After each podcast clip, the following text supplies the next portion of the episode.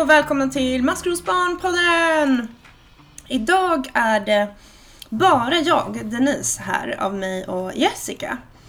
Och varför det är så är för att vi eh, faktiskt ska göra en liten ändring. Det är nämligen så att vi kommer få en ny blogg... Varför säger jag blogg? Jättekonstigt. Poddkollega som heter Ida! Hej Ida, vem är du? Hej! Ja, jag eh, har ju börjat jobba här på kontoret nu på heltid. Mm. Och eh, jag kommer vara med i podden med Jessica. Så festligt. Mm. Och då kan man ju undra varför då? Och det är för att jag tycker att Ida och Jessica passar bättre för podden och jag hinner inte riktigt heller. Eh, och jag tycker podden är så himla viktig så det är ändå så viktigt att den får den kärleken som den behöver. Så det här är egentligen sista gången som eh, jag är med i podden så från och med nu så kommer det vara Ida och Jessica. Och då så tänkte vi att eh, vi ville lära känna dig lite bättre Ida. Så därför är du med den här gången. Så jag ska fråga dig en massa frågor, Mm. tänkte jag. Men det låter bra så ska vi se om jag kan svara på dem. Hoppas. Ja. Håller tummarna. Men eh, du är ju ett maskrosbarn, Yes. eller hur? Varför är du ett maskrosbarn? Eh, Jag växte upp med en pappa som var alkoholist och eh, det var ganska sent i min uppväxt som han blev det. Eller som att det märktes. Eh, Så att jag såg aldrig på mig själv som ett maskrosbarn förrän att jag blev äldre. Och sen förutom hans alkoholmissbruk så Även om det inte finns på något papper eller så, så gissar jag på att han är bipolär eller manodepressiv. Mm. Så därför är jag ett maskrosbarn. Mm. Mm. Mm. Hur gammal är du? Jag fyller 28 i år. Och du, man hör ju någonting på din röst att du inte kommer från samma ställe som jag kommer ifrån. Precis. Jag är eh, uppvuxen i Sundsvall. Eller någon mil utanför Sundsvall. Så där har jag egentligen bott... Eh, ja, jag har flyttat runt massa i mitt liv men eh, ja, jag har bott där merparten av mitt liv. Mm. Så flyttade jag hit till Stockholm för snart tre år sedan. Mm. Var ligger Sundsvall då? Eh, 40 mil uppåt kan man säga. Uppåt. Är Ja. det Norrland? Det är Norrland. Jag tycker att det tillhör Norrland. Men Ja, det just beror det, på det är lite tjafs det där ibland, Ja. vem man frågar. Det beror på vem man frågar, men jag säger att det är Norrland. Du säger att det är Norrland. Det ligger ändå i Västernorrland. Okej, Mm. fattar. Yes. Jaha, spännande. Men du, jag tänker att det finns massa som jag och säkert alla som lyssnar vill veta om dig. Mm. Men först så brukar vi ju göra någonting som är eh, botten, toppen och stolt som vi kallar för BTS. Ja, precis. Det har du väl gjort förut? Ja, den kör ju vi på torsdagsmysen också. Just det. Ja. Men jag tänkte eftersom att du är... ehm, det här är min sista gång så jag vill inte börja. Nej. Så du får börja. Men då börjar jag. Jag måste bara fundera lite. Mm. Mm, min... Min toppen, det är att jag den här veckan har börjat jobba heltid här på Mm. kontoret. Så uh, nu är jag här ja, hela veckorna, hela Mm. dagarna. Så det är min toppen. Min eh, botten, det är att jag börjar få lite sån här prestationsångest över att det är vår och sommar och att man Mm. förväntas göra saker hela tiden och vara pigg och hitta på massa saker. Mm. Och jag känner att jag inte riktigt... Ja, jag, jag känner att jag får lite ångest inför det. Mm. Så det är min botten. Och stolt över är jag... Mm, ja, men jag är stolt över att jag har börjat jobba här. Mm. Eh, för det är mitt, mitt drömjobb, så det är jag stolt över. Att Mm. äntligen få vara här. Mm, Kul, tack. tack! Botten. Mm.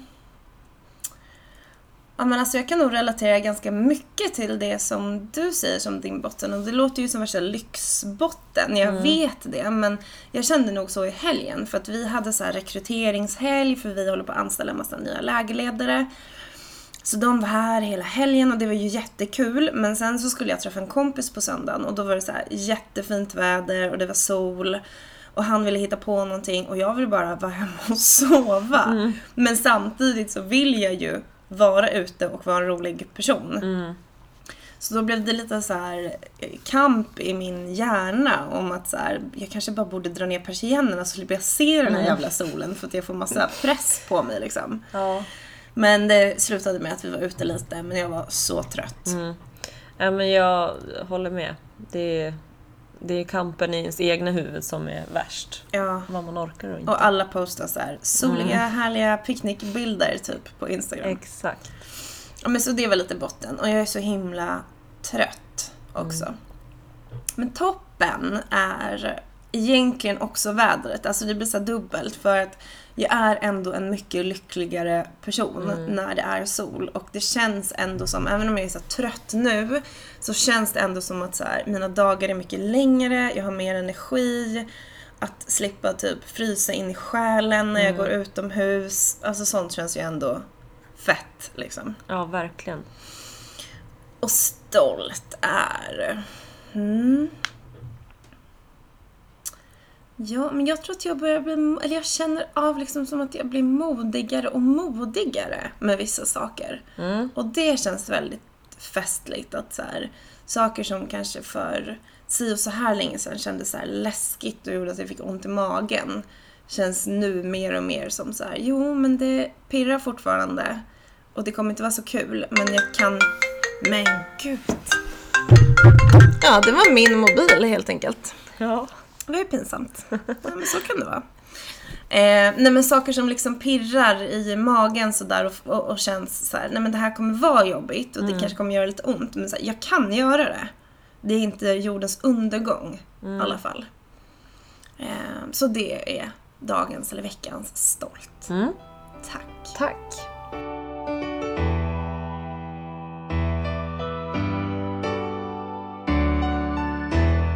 Mm, men du Ida, okej. Vill du berätta lite mer liksom? Alltså hur var det för dig när du var, när du var tonåring typ? Ja, eh, och mitt liv har ju egentligen... Eller jag tyckte att det såg ut som vem som helst eh, liv när jag var ja, men, runt 13-14. Eh, Och det, så var det oftast också.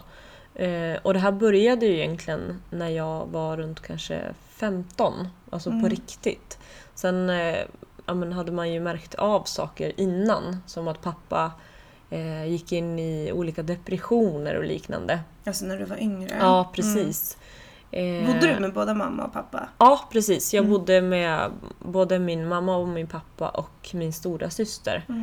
Eh, så det började ju med att han gick in i olika depressioner. Eh, men det var inte det här typiska att han liksom mådde väldigt dåligt då utan det blev snarare tvärtom, att han blev lite manisk istället. Och började liksom vara vaken hela dygnen och började spela golf 12 timmar om dagen. Och, ja, det blev liksom istället motsatt effekt. Eh, så där började det ju någonstans. Men det var ju lite svårt att ta på när man var 11 år, att det var något konstigt. Man tänkte ju bara att han var liksom mer aktiv än andras föräldrar kanske. Eh, utan det var väl egentligen när jag var runt 15 som han började dricka att det liksom blev ett problem. Att, det, att jag kände att det var jobbigt. Eh, och sen, ja men, han eh, drack liksom i perioder. Så det var mycket perioder. Ena stunderna mådde han jättebra och andra så dämpade han liksom ångesten eller depressionerna med alkohol. Eh, sen så ja, men, löpte det väl på så och det var väl inte några liksom större händelser, i alla fall inte vad jag minns. Förrän att jag blev kanske 17. Eh, och då, när jag var 17, då fick mamma liksom nog och orkade inte bo med honom längre. Eh, så då flyttade hon. Och då hade ju min stora syster redan flyttat hemifrån. Så eh, då blev det jag och pappa istället som liksom bodde kvar då i huset. Mm. Eh, Var det någonting som du valde? Var du så här, nej men jag vill bo kvar med pappa eller hur såg det ut? Alltså jag blev egentligen aldrig tillfrågad för grejen var att mamma hon, hon flyttade till en annan stad, även om det bara var någon mil bort eh, på grund av sitt jobb, så flyttade hon dit. Eh, så det, det var liksom aldrig ett alternativ för mig att flytta med. För då skulle jag byta skola och Mm. liksom allting. Så jag tänkte aldrig ens att det var ett alternativ. Eh, och mamma och pappa de hade ju fortfarande kontakt och kunde liksom ja, åka på resor tillsammans och hitta på saker. Mm. Så det var ju inte liksom att jag skulle välja sida. Mm. Utan de var ju fortfarande med varandra eh, och firade mina födelsedagar och liknande. Tills att jag kanske blev ja, men 18, 19 och då blev, tog mamma mer avstånd från honom. Mm. Eh, och då blev det att ja, men, det blev någonstans att jag tog ansvar med min pappa istället. Och att det blev liksom jag och han bara. Mm. Eh, Så då, ja, jag bodde ju kvar där och det blev ju värre och värre när hon flyttade och när de skilde sig sedan. Och då ble, blev det liksom att hans depressioner eskalerade kan man säga. Mm. Mm. Mm. Fick han liksom, alltså hade han någon kontakt med någon psykolog eller med någon liksom professionell sådär? Ja, men det har han nog alltid haft egentligen. Men han har aldrig tagit emot hjälpen. Utan det, har, det känns som att det mer har varit att han kanske har blivit kallad på något möte och så har han gått dit för att han måste. Mm. Sen så har han ju varit med om en del olyckor där som han liksom har orsakat på grund av att han har druckit. Mm. Mm. Eh, volta med bilar och motorcyklar och Mm. allt möjligt. Och det har liksom, han visste att han har liksom kanske blivit erbjuden hjälp men det känns inte som att det har varit Alltså valet har varit för enkelt och så har han bara valt att inte ta emot den hjälpen. Mm. Mm. Men alltså var det så här, var det öppet i er familj? Alltså kunde ni prata om det här att så här, ja men pappa är så här och pappa dricker eller liksom på vilket sätt såg det så här snacket ut hemma? Ja, alltså jag... Jag har ju aldrig sagt, eller jag sa, sa aldrig då till min pappa att han var alkoholist. Men däremot så sa jag ju alltså kommentarer att jag tycker att han dricker för mycket och inte kan ja, bete sig liksom. Mm. Så att det var ju inte... Han visste ju om det. Det var ju liksom ingen... Ja, han fattar ju det själv. Men han vill inte erkänna det för sig Mm. själv. Mm. Eh, sen så... Alltså jag och mamma har väl alltid pratat om det. Mm. Men samma sak där. Varken hon eller jag har ju kunnat ändra på honom. Nej. Och min syster hon flyttade ganska tidigt eh, hit till Stockholm. Mm. Så hon var aldrig riktigt... Hon behövde aldrig se det här liksom. Mm. Och han ville också upprätthålla en fasad mot henne. Där han verkade vara lite duktigare än vad han faktiskt var. Mm. Mm. Mm. Vem var du liksom när du var så här Ida, 17 år? Mm. Jag var ju rebellen. Mhm. Jag, eh, alltså jag blev ju nästan som han där ett tag. Mm. Jag började ställa till med problem för mig själv Mm. eh, och tänkte att jag ändå hade ärvt hans gener och Mm. att det liksom inte gick att göra någonting åt. Och ja, jag visste ju att vad jag än gör så är han alltid värre. Så det Mhm. går liksom inte... Det kommer aldrig bli någon stor sak av att jag gör någonting sånt. Mm. Eh, så det var ju Blev snarare- det inte det heller om du gjorde någonting? Fick Nej, du inte... det, alltså det blev inga konsekvenser. Mm. Utan det var ju snarare jag som skällde på honom Mm. om han gjorde fel. Mm. Och han, han visste ju liksom att han inte kunde säga så mycket för att han hade gjort alla de här sakerna Mm. själv. Mm. Och inte bara när han var yngre utan i Nu realtid liksom. Mm. Mm. Men hur liksom, okej så du, du gjorde massa dumma grejer, men Mm. hur, hur mådde du? Vad kände du för känslor? Kommer du ihåg någonting? Ja, jag... eh, Alltså jag började ju dricka väldigt tidigt själv Mm. och tyckte att det dämpade min ångest liksom. Mm. Och sen så intalade jag mig själv att, att jag inte brydde mig. Alltså det Mm. spelar ingen roll om pappa gör så. Jag bryr mig inte.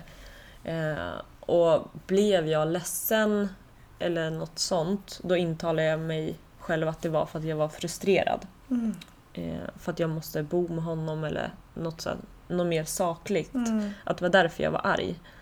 Eh, men alltså det är klart att jag tyckte att det var jobbigt. Mm. Jag ville ju inte vara hemma. Mm. Jag tyckte ju att det var jobbigt att behöva komma ner och liksom inte veta vad man ska möta. Mm. Och kanske hitta pappa på golvet sovandes. Mm. Sådana saker.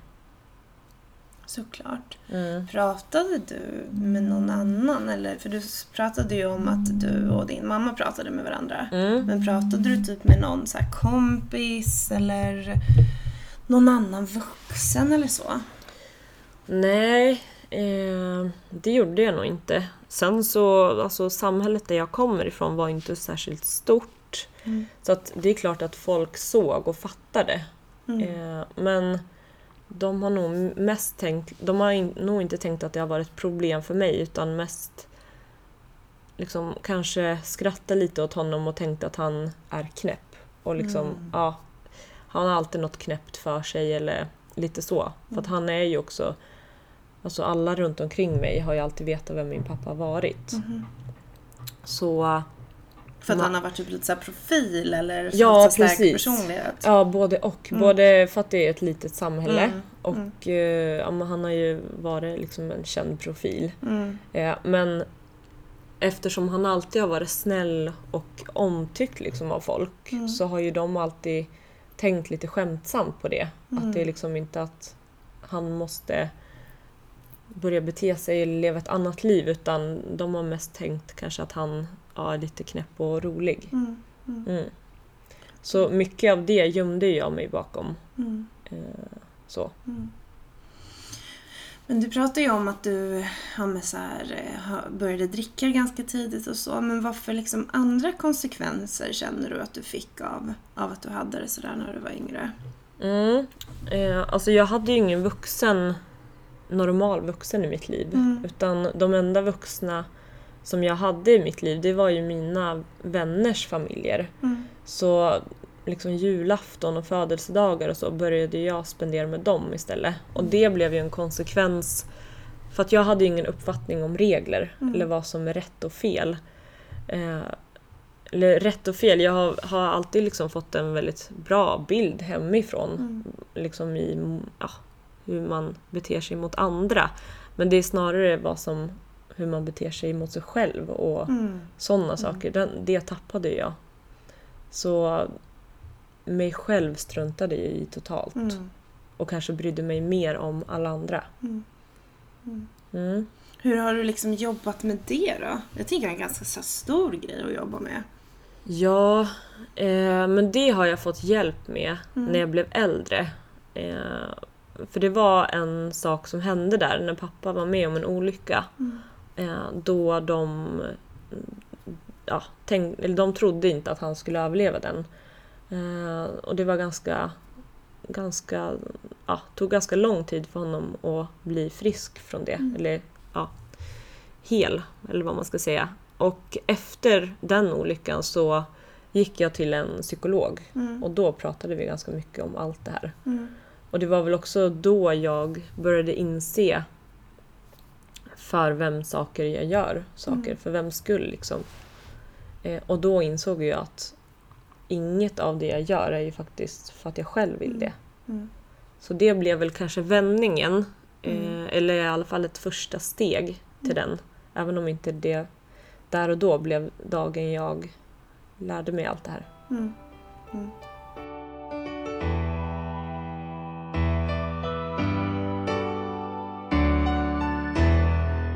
Hörde du talas om maskrosbarn första gången? Kommer du ihåg det? Ja, det var nog eh, kanske två, tre år sedan. Eh, då en kompis faktiskt till mig var med på eh, Nyhetsmorgon Mhm. och pratade om att han själv var ett maskrosbarn. Mhm. Och jag tror att det var något sånt tema Mm. på Malou efter tio. Eh, och då tror jag att, att eh, det också kom upp lite om er organisation. Mhm. Och på den vägen är det. Och Mm. det, det tog väl ja, något år igen innan jag liksom kom i kontakt med er. Mm. Så att jag hade ju, jag visste ju om vilka ni var, Mm. men inte riktigt vad eller hur ni jobbade så. Mm. Men sen så, ja under 2016 Mm. så fick ju jag liksom ett sånt där ja, kommit till en sån punkt i livet och jag kände att nej, nu har jag jobbat på samma jobb i fem år Mm. och känner bara att det är dags att göra någonting liksom som, ja, som jag brinner för eller som jag känner att jag är med och förändrar saker. Mm. Och då gick jag bara in och sökte lite jobb. Mm. Och så hittade jag eh, ett jobb där jag där man fick möjlighet att vara coach till Mm. en ungdom. Mm. Och så sökte jag det Mm. och bara några dagar efter så var jag här på, på utbildning. Mm. Snabbt gick det. Ja, verkligen. Men och du, eh, du sa ju på din eh, toppen att du började jobba heltid den här veckan. Mm. Vad, vad, alltså, vad är det du gör här på Maskrosbarn? Ja, eh, jag eh, är ju på våra torsdagsmys. Mm. Kommer jag att jobba och jobbar nu. Eh, och är med och planerar och ja, är med Mm. och under själva torsdagsmysen. Är, kan du inte bara berätta lite vad Tor... Jag tror att vi har pratat om det någon gång, men Mm. kan inte du berätta igen? Ja, det är ju våran så kallade ungdomsgård eller vad man ska säga. Mm. Då vi eh, här i, på Stockholmskontoret då, där Mm. jag jobbar, eh, ses varje vecka Mm. och äter alltid tillsammans Mm. med ungdomarna. Mm. Eh, och sen så ser vi alltid till att ha en aktivitet inplanerad. Mm. Antingen om vi är på kontoret eller om vi är ute på stan och hittar på något. Kanske att vi åker på en trampolinpark eller åker Mm. skridskor eller liknande. Mm. Mm. Festligt. Och det Så har det vi ju i, i Stockholm och i Göteborg också. Ja, precis. Festligt. Och visst får man komma dit eh, även om man liksom inte har varit i kontakt med oss förut? Ja, precis. Och torsdagen är ju jättebra grej att komma på som första grej då. Mm. Och eh, ja, man, eh, man brukar ganska snabbt liksom komma in i den här gemenskapen Mm. och känna att man knappt vill gå härifrån. Mm. Hur gör man då, då om man sitter någonstans och bara, men det där skulle kanske vara kul? Mm. Då kan man eh, gå in på vår hemsida Mm. och kolla på våra kontaktuppgifter där. Mm. Eh, och höra av sig antingen till mig Mm. eller någon av våra kollegor. Mm. Och säga bara skicka iväg ett meddelande eller Mm. mail att man vill komma. Mm. Och så bestämmer vi det därifrån. Kul. Mm. Okej, men jag avbröt dig. Du berättade om att du jobbar på torsdagarna. Vad gör du mer för något? Precis. Förutom eh, torsdagarna så är jag också runt och föreläser på skolor Mm. och berättar om min egna uppväxt Mm. och eh, vad det finns för stöd att få hos oss på Maskrosbarn. Kul. Mm. Spännande. Vad är liksom så här, vad är liksom det bästa med att jobba här tycker du? Det bästa med att jobba på Maskrosbarn det är ju att här är ju Alltså här är ju det normala att ha en förälder Mm. som inte har mått bra Mm. på olika sätt. Att här är man ju liksom en i den gemenskapen Mm. och att det andra är det liksom onormala för oss. Mm. Och att man alltid delar sina erfarenheter med någon här. Det tycker jag, alltså det är verkligen något av det bästa. För jag tänkte på det så mycket i, ja men i helgen, för då har vi så här, ja men massa vuxna här som vill jobba som eh, lägerledare. Mm. Och så får de vara här hela helgen och så får de leka lekar och svara på så svåra frågor och berätta om sitt liv och så. Ehm, och jag märker ju varje gång, de är ju liksom vuxna. De är ju mellan typ så här 22 och 30 ungefär. Och jag märker ju att till och med för dem är ju det att bara få göra det som du säger. Att så här, vara i ett rum med personer som har haft det likadant som dem. Att bara vara med andra maskrosbarn, det gör ju någonting med dem också. Alltså de tycker att det är jättehäftigt. De blev ju så här skitberörda och så att det tyckte ju de var en jättestor grej. Mm. För det kan ju verkligen vara så att så här, i alla andra sammanhang i livet, eller i alla andra grupper, så är man typ ett undantag. Man kanske känner sig som en alien alltid. Mm. Men sen när man är här, om någon kommer hit som inte är ett maskrosbarn, då är det ju den som är en alien. Det är Ja, vi som är precis. normala. Ja, och, och det märkte jag första gången jag var här på utbildning. Att Mm. Från att ha gått till att kanske inte vilja prata om sin bakgrund så är det nästan så att man sitter och väntar på sin tur och Mm. får berätta om liksom, sin egna, sina egna erfarenheter. Mm. Och det är ju någonting som man absolut inte är van vid. Men det är häftigt. Verkligen. Ja, jag tycker också att, här, att ha jobbat här och att vara en del i normen. Mm. Att vara en del i att så här, men gud, det här är normalt. Det gör ju som du säger att man börjar prata om det väldigt mycket. Mm. Och man pratar om det kanske så varje dag. Mm. Inte att jag kanske sitter och berättar om hela mitt liv, men man hör de här grejerna varje dag. Mm. Så det gör ju att jag i så andra sammanhang i livet pratar ju om det här skitöppet. Alltså dels för att det är, så här, är ju inget att skämmas över. Nej. Men också för att jag är så van att så här, prata om det. Så att ibland i vissa andra sammanhang så kan ju folk bli så här, ja oj, Nästan Oj. lite ja, obekväm. ja, de blir obekväma. Och jag kunde verkligen inte bry mig mindre. För att så här, jag har ju lika mycket rätt att prata om det här eh, som de har att prata om deras föräldrar som är helt tipptopp liksom. Men de blir ju chockade och sådär. Och sen så berättar jag ju bara det som jag vill berätta och sådär. Men det är roligt, man blir så påverkad av hur normalt det är här. Precis, det blir så avdramatiserat. Verkligen, det är så skönt liksom. Åh gud, vad har varit, har du stött på något sånt än som har varit så mest utmanande eller svårast med att jobba här? Ja, det har jag. Det var faktiskt när jag var och föreläste för, för vuxna. Mm. Och jag har ju varit ute på en del skolor och då, då tänker man ju att det ändå är läskigt för att det är barn och ungdomar liksom. Mm. Men jag måste ändå säga att vuxna är nog de som är mest läskiga. Mhm, mm. Eh, och, och det var utmanande för att jag fick respons, en respons som jag inte trodde att jag skulle få. Mm. Eh, och det var en utmaning att försöka förklara för en vuxen Mm. att jag inte kan göra min förälder frisk. Eller att Mm. man måste vilja bli frisk själv för Va- att kunna bli det. Tyckte den personen typ att det var ditt ansvar eller? Ja men att det var min, min tur att liksom Din pappa har alltid varit väldigt snäll mot dig Mhm. som kanske har köpt saker till dig eller ja, liksom Mm. betalat olika saker. Den här personen sa det till dig? Mm.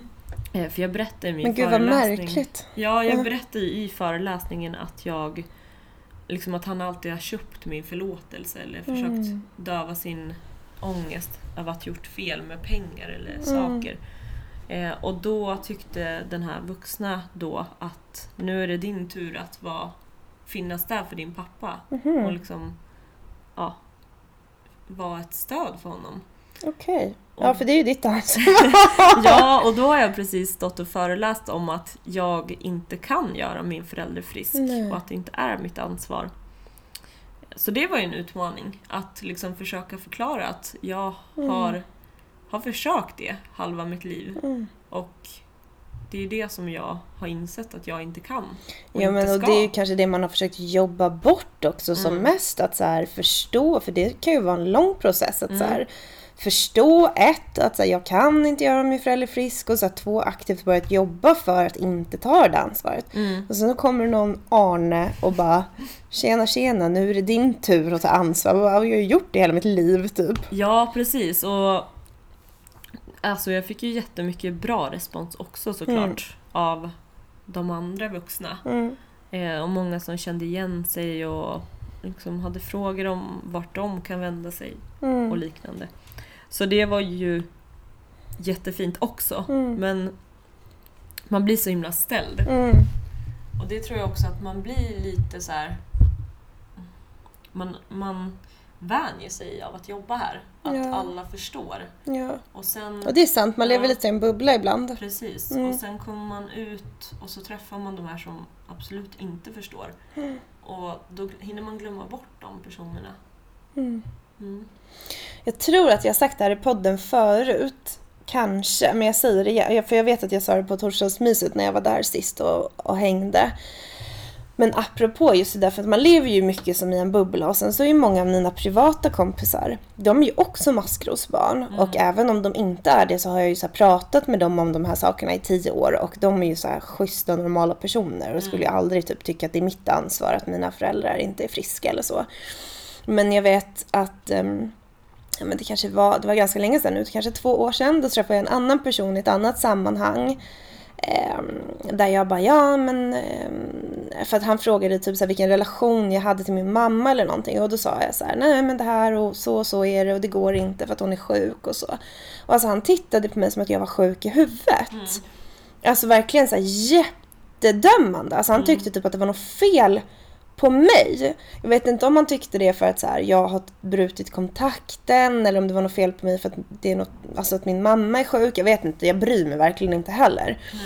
Men jag vet att jag i den stunden blev så himla chockad mm. för att jag har inte hört det där på jättemånga år. Jag kände ju så jätteofta när jag var tonåring. Mm. Men sen har jag haft sån himla tur så att jag har kunnat omge mig med andra maskrosbarn ja, men i typ så 15 år. Så jag blev så himla chockad och jag vet, jag mådde inte så bra den perioden så jag, jag blev ju helt så här, ja men det... Nej, det kanske är något, ja gud. Alltså att jag blev så här, jag började, och jag blev så arg mm. efteråt för jag började tvivla. Han fick mig, genom att säga en så jävla dum sak, fick mig att börja så här, tvivla lite på om jag har gjort rätt eller fel beslut eller om det är något fel på mig. Mm. Och det där var så känslor jag inte hade fått sedan jag var typ tonåring. Och på ett sätt var det så bra, för han skakade ju om mig lite. Så att, mm. alltså jag hämtade ju också ganska mycket så här styrka och ilska ifrån det där. För jag bara, vad fan är det här? Vem är du ens mm. människa? Att så här, komma till mig, du känner inte mig men du ska ändå typ ifrågasätta någonting som du inte vet någonting om i mitt liv och döma mig. Alltså jag bara... Ja men det där känner jag igen jättemycket och alltså jag har väl kanske inte omgett mig med så många andra maskrosbarn nu i vuxen ålder heller. Mm. Och många gånger kan jag liksom prata om att mitt liv hade varit enklare om mm. pappa kanske inte hade levt eller om mm. han liksom dog ordagrant. Mm. Och det är, ju, alltså, det är ju bara fakta att det hade varit enklare. Mm. Sen är det klart att jag kanske inte önskar det och att det är mm. klart att jag kommer bli jätteledsen den dagen det händer. Ja. Men då har det varit så reaktioner att men så kan du inte säga eller så kan du inte tänka. Och då har jag behövt mm. försvara det att men jo det kan jag faktiskt för att jag känner så. Och det är liksom mm. För det här har påverkat mitt liv så mycket så att jag, jag får känna så och jag får tänka så. Men vem, ska, vem är någon annan att säga till dig hur du får eller mm. inte får känna och tänka? Precis. Så att eh, ja, ibland så hinner man glömma bort de här reaktionerna så blir man påmind av dem och blir lika ställd varje gång. Mm. Ja, det är så märkligt överhuvudtaget tycker jag att så här, folk ska ge råd när man inte ens har bett om dem. Mm. Eller så här, döma eller så. Alltså, visst om man blir nyfiken och frågar frågor, det är inget alltså, Det tänker jag är så ganska mänskligt mm. liksom. Om man frågar något men att säga bara, nej men du är ju konstig eller så här, det här är ditt ansvar eller så. Precis. Då blev jag bara så här, men jag är så himla ointresserad av att ha sådana personer mm. i mitt liv. Och det är jag så glad över nu för att jag nu som vuxen kan ju så hitta tillbaka så snabbt till det där och bara, men mm. du är dum i huvudet. Men det kunde jag ju inte.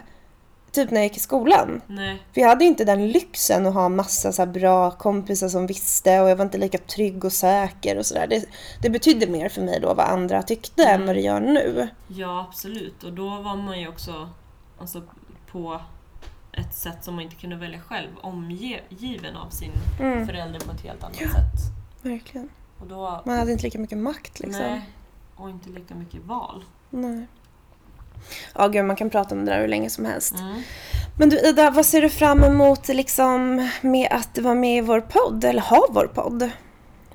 Ja, men att få beröra alla de ämnena som är viktiga och som man kanske själv hinner glömma bort ibland. Mm. Att man faktiskt behöver prata om och att, att andra liksom behöver få höra det. Mm.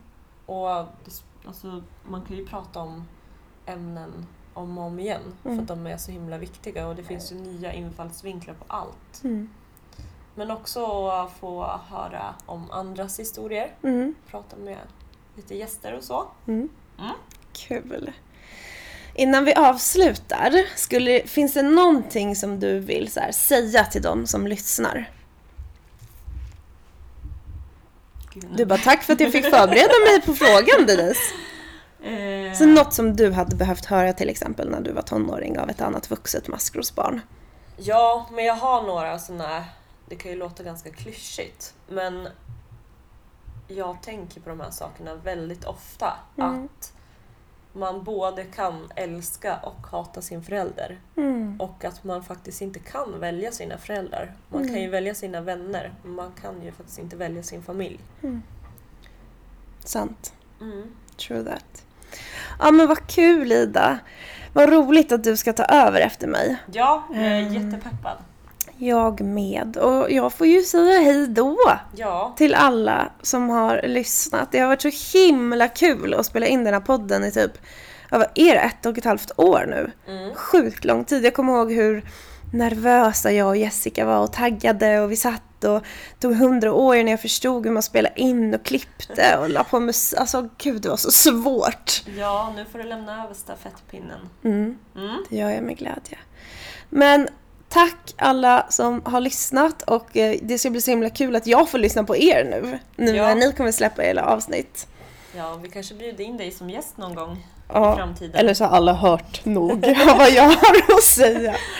Ja, vi får se. Men hörni, hjärtisar, ta hand om er, ha det bäst, känn ingen press. Om man får vara hemma även fast det är sol, eller hur? Ja, det får man. Mm. Massa kramar, hejdå! Hej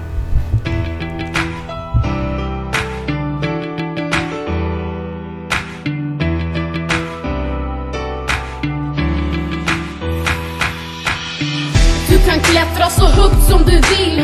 Det är ditt liv, ingen annan säger till. Sikta mot toppen, dit du vill nå. Fortsätt att kämpa, du vet att det går. Du kan klättra så högt som du vill. Det är ditt liv, ingen annan säger till. Sikta mot toppen, dit du vill nå.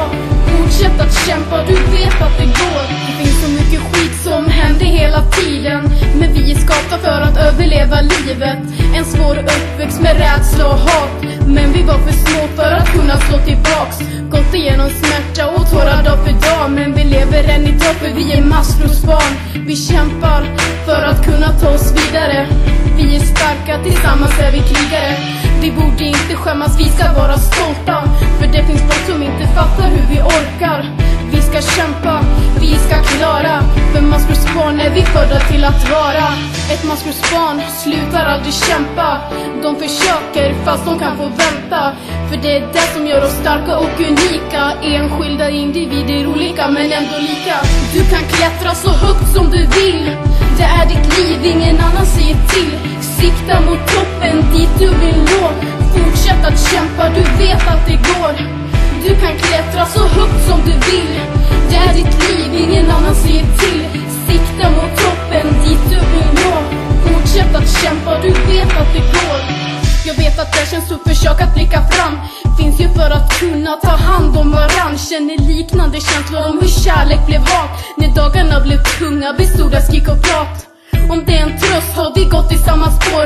Även som det känns som ingen annan förstår Måste vrida in och ut. På det som är ditt liv Tänka efter vad du vill så du i hjärtat känner frid. Skapa dig en framtid, du är värd att må bra. Kolla på Therese och vad hon blivit idag. Hon har varit som du, legat i botten på ett hav Men kämpade sig upp och skapade maskrosbarn Hennes ord är så sanna, precis som hon sa. Även om man mått väldigt dåligt kan man må väldigt bra. Vi vet att du klarar, vi vet att du kan. Det är aldrig för sent, bara greppa någon hand. Du kan klättra så högt som du vill. Det är ditt liv, ingen annan säger till. Sikta mot toppen, dit du vill nå. Fortsätt att kämpa, du vet att det går. Du kan klättra så högt som du vill. Det är ditt liv, ingen annan säger till. Sikta mot toppen, dit du vill nå. Fortsätt att kämpa, du vet att det går.